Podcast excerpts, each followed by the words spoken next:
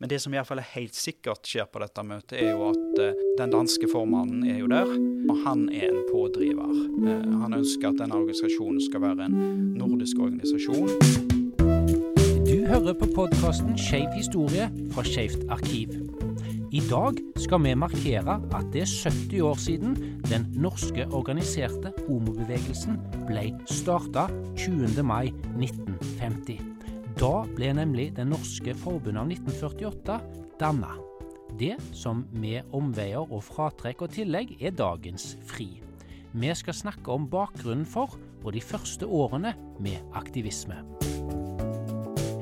Det er spesielt tre personer som er aktuelle i denne tidlige fasen. Det er vestlendingen Erling Næss, det er dansken Aksel Lundahl Madsen, og det er trønderen Rolf Løvås. I 1988 ble han intervjua av dansk nærradio i anledning 40-årsjubileet for det danske forbundet, og der fortalte han om hvordan det hele starta i Norge to år seinere. Du, du kommer jo fra et land der også snart kan feire et jubileum, nemlig Det norske forbund. Hvor gammelt er Det norske forbund? Vi ble startet i 1950, altså to år etter det danske. Og da som en norsk avdeling av det danske forbundet av 1948. Og vi har på sett og vis beholdt navnet også. I dag heter det Det norske forbundet av 1948. Selv om I i virkeligheten først startet i 1950, altså 1950? Ja. ja.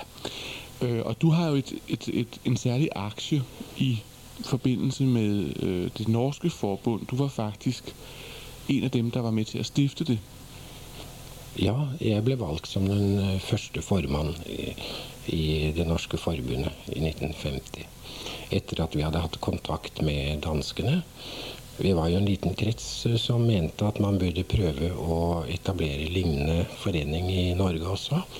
Men eh, vi var jo fullt klar over de store vanskelighetene. Uh, og da var det de dristige dansker som viste oss veien, og som ga inspirasjon og, og pågangsmot. Så vi hadde kontakt da med Aksel Akskel, uh, som uh, vi samarbeidet med i det organisasjonsmessige. Så han var en både pådriver og inspirator. Og uten han så ville det jo ikke blitt noen norsk avdeling eller norsk forening kanskje på mange år. Og denne historien, historiker Runar Jordåen, den starter i Oslo på Bislett hospits den 20. mai 1950. Ja, Bislett hospits, som ligger i Dalsbergstien da, på Oslo vestkant, det var et slags pensjonat, da. Eh, eller et herberge. Og her bodde det da veldig mange mennesker. Veldig mange av de var enslige menn. Og så er vi altså den 20. mai da, i 1950. Vi kan forestille oss at det er en vårkveld. Eh, kanskje har det regna litt. Jeg tror det stemmer litt med værmeldingene den dagen iallfall. Eh, og på kvelden her da så er, møtes det en gjeng med menn da på et av rommene på, på dette hospitset. Vi vet ikke alle som var der, men det var kanskje sånn ca. 20-talls mennesker der. Men av de som var til stede, så vet vi i alle fall at han som var verten, da, det var Erling Næss. Han var en mann i midten av 50-årene eh, som hadde slått seg opp da, fra en oppvekst i fattigdom på Vestlandet eh, til å bli en velstående huseier i eh, Oslo. Og jeg kan òg nevne noen av de andre som var der. da. Det er en som heter Bjørn Hansen. Han var en mye yngre mann. Han var i 20-årene. Han var sykepleier. Og han hadde òg vært kontaktperson med de danskene som to år tidligere hadde danna en organisasjon for homofile. Denne organisasjonen heter da Forbundet av 48. Der har vi òg en av de andre som var til stede denne kvelden på Bislett Hospits. Det var Aksel Lundahl Madsen. Han var en av grunnleggerne, og han var òg lederen av det danske forbundet av 1948. Og vi har òg et par, et kjærestepar, Arne Heli og Øyvind Eckhoff. Og Øyvind Eckhoff han er en 34 år gammel mann fra vestkanten i Oslo. Han er professorsønn, og han er pianist. Og Senere skulle han bli berømt for å skrive den første norske fagboka om homofili. Vi som føler annerledes. Og sist, men ikke minst, så har vi da en annen ung mann. og Han heter Rolf Løvaas. Han er 27 år gammel på dette tidspunktet. Har studert markedsføring. Og han jobber på dette tidspunktet da med reklame og annonser i Aftenposten. Og han Løvaas han hadde allerede i noen år ment at uh, homofile burde organisere seg. Uh, og forut for dette møtet så hadde han da sammen med Bjørn Hansen uh, sondert terrenget, og de hadde da prøvd å samle folk som da møttes denne her lørdagskvelden da, på Bislett hospits. Og vi har jo fått tak i et intervju av Rolf Løvaas. Og det ble tatt opp på en eh, dansk nærradiostasjon i 1988 ved 40-årsjubileet til det danske forbundet, som da var forløperen til det norske. Og dette møtet eh, endte da med at en norsk gruppe av forbundet av 1948 ble danna. Og da har vi siden regna dette som stiftelsesdatoen for den norske homobevegelsen. Og det er altså 70 år siden. Og I denne første episoden så skal vi fokusere på Erling Næss, som vi var innom helt i, i starten her, som var eieren av eh, hospitset hvor eh, denne dannelsen eh, skjedde. Og Hva var det som gjorde at man i mai 1950 kunne samle en liten gruppe personer på Bislett hospits for å danne en homoorganisasjon? For å svare på det så må vi tilbake ytterligere 37 år, til 1913 da Oslo fremdeles het Kristiania, og en ung, fattig mann kom flyttende til byen fra Vestlandet.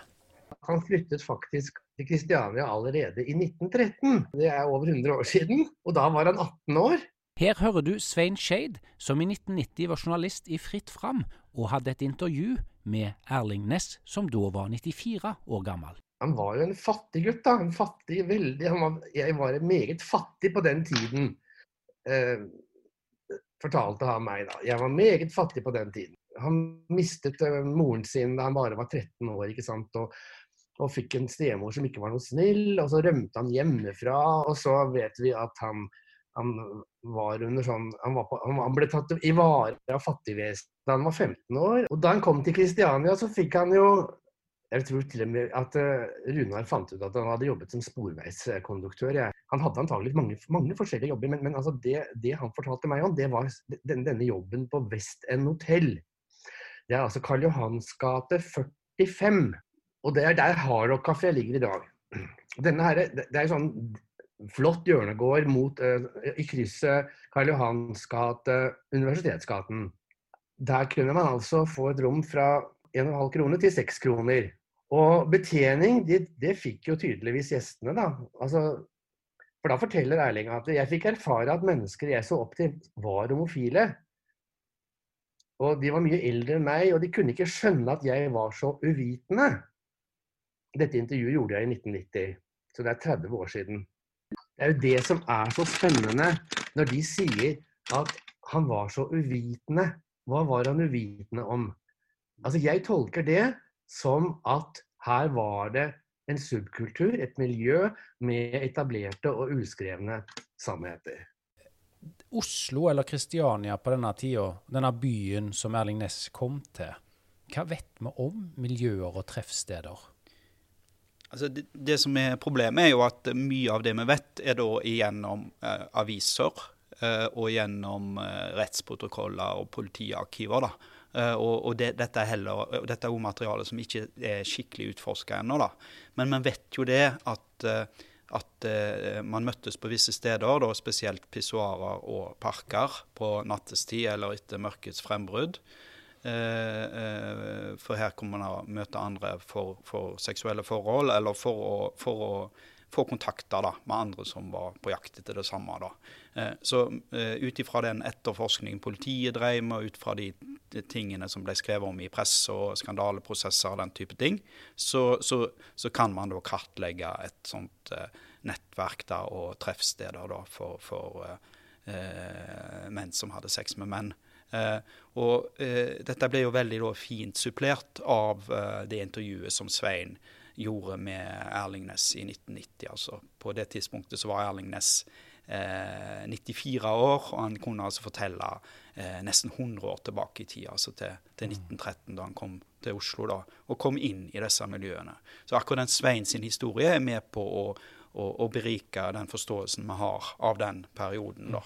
Det forteller også noe om at det har vært en et slags miljø da, eh, som ikke er liksom det samme som de skeive miljøene i dag, eh, på langt nær, men at det har funnes da, nettverk og møtesteder og i det hele tatt. da. Så, og, og, at dette her på en måte da førte fram mot og la grunnlaget da for for den organisasjonsdannelsen som kom, kom i 1950. Mm.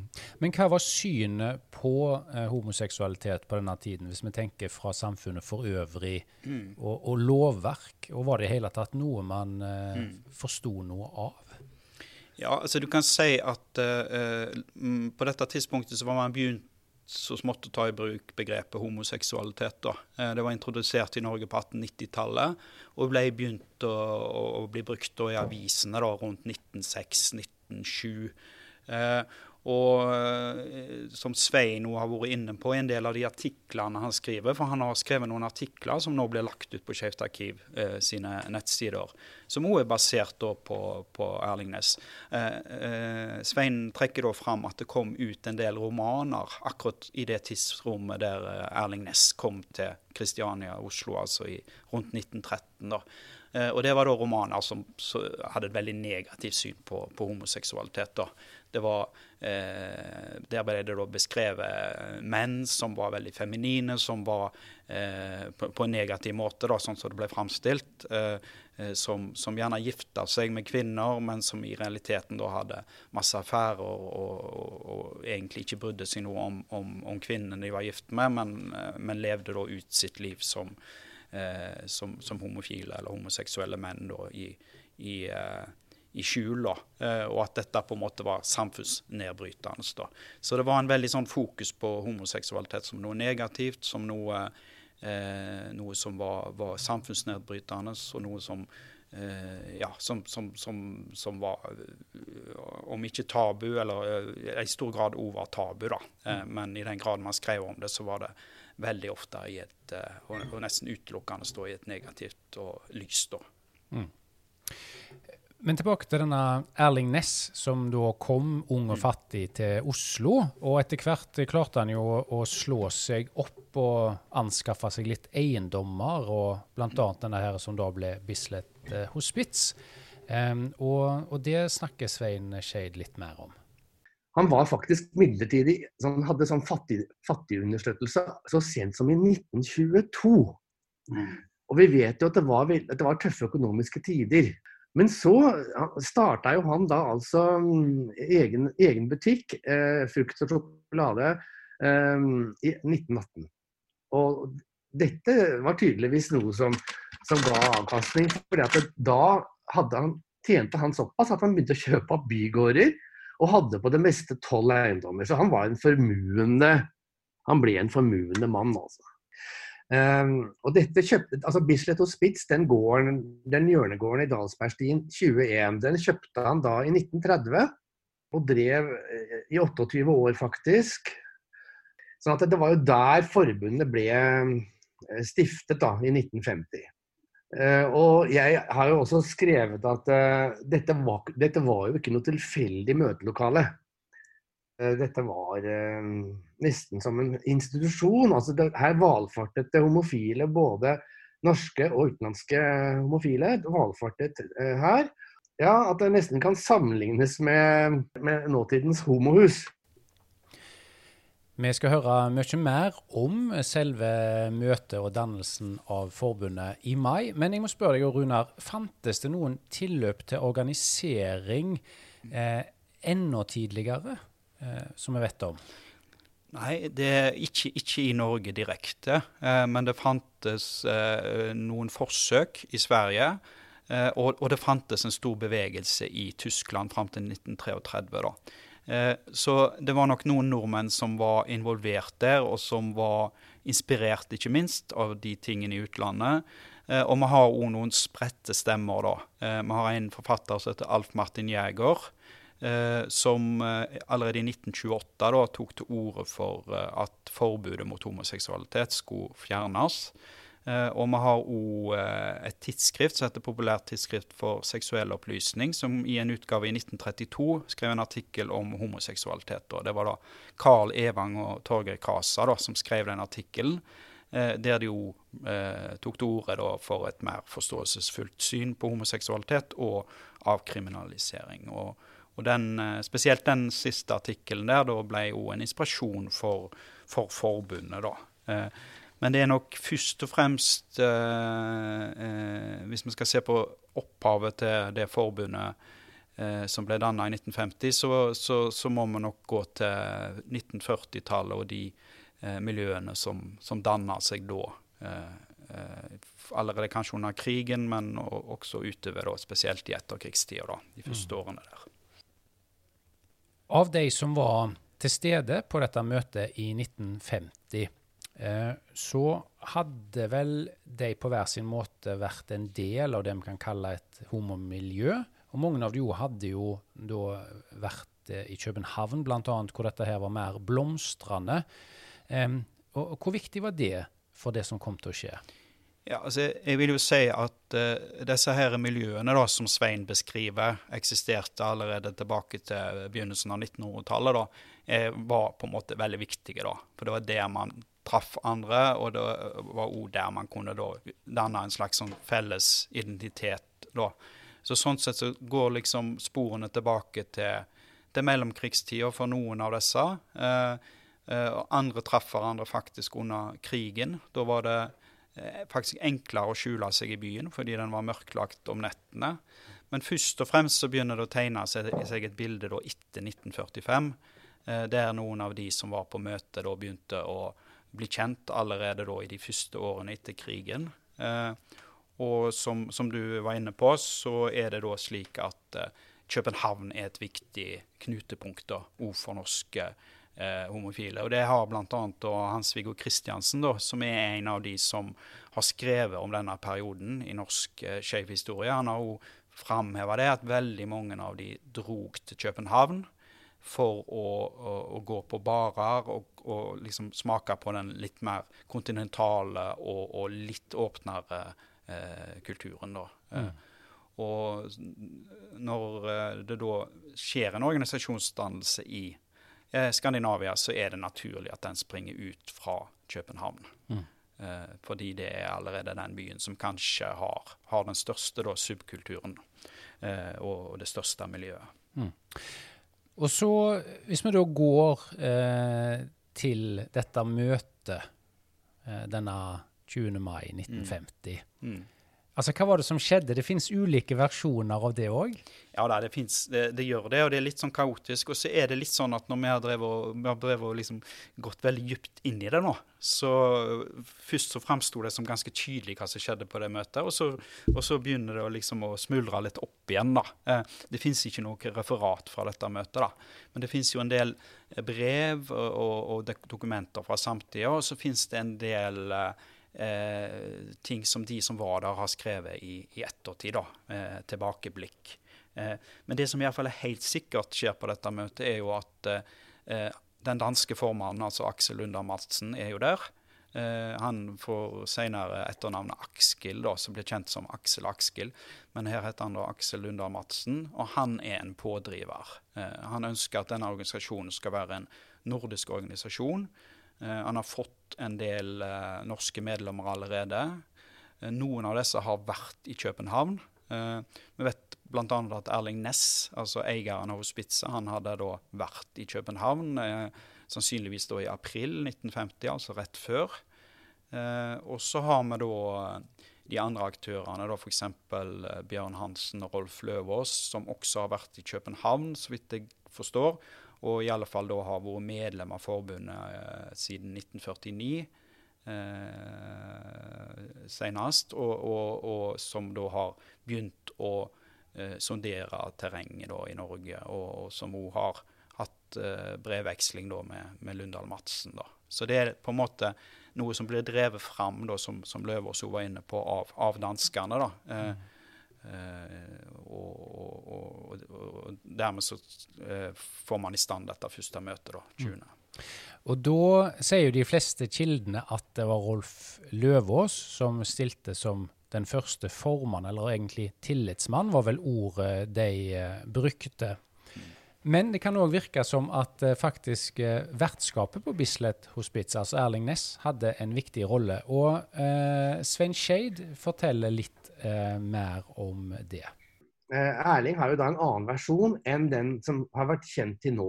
Da jeg skrev min første artikkel i 1990 Fritt fram, så hadde jeg såpass ydmykhet og respekt for den, den vedtatte sannheten at jeg, at jeg, holdt tilbake den derre Erlings versjon. Men så ser jeg jo da, i 2000, så kommer Blikk og har en, eh, ikke sant, en, en 50-års eh, eh, jubileumsreportasje.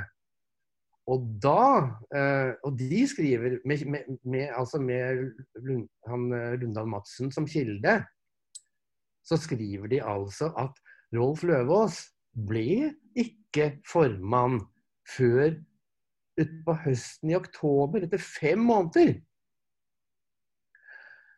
Og jeg vet ikke hvor viktig dette er. Altså, jeg tenker ikke noe som helst annet enn at, jeg, at det var det Erling sa.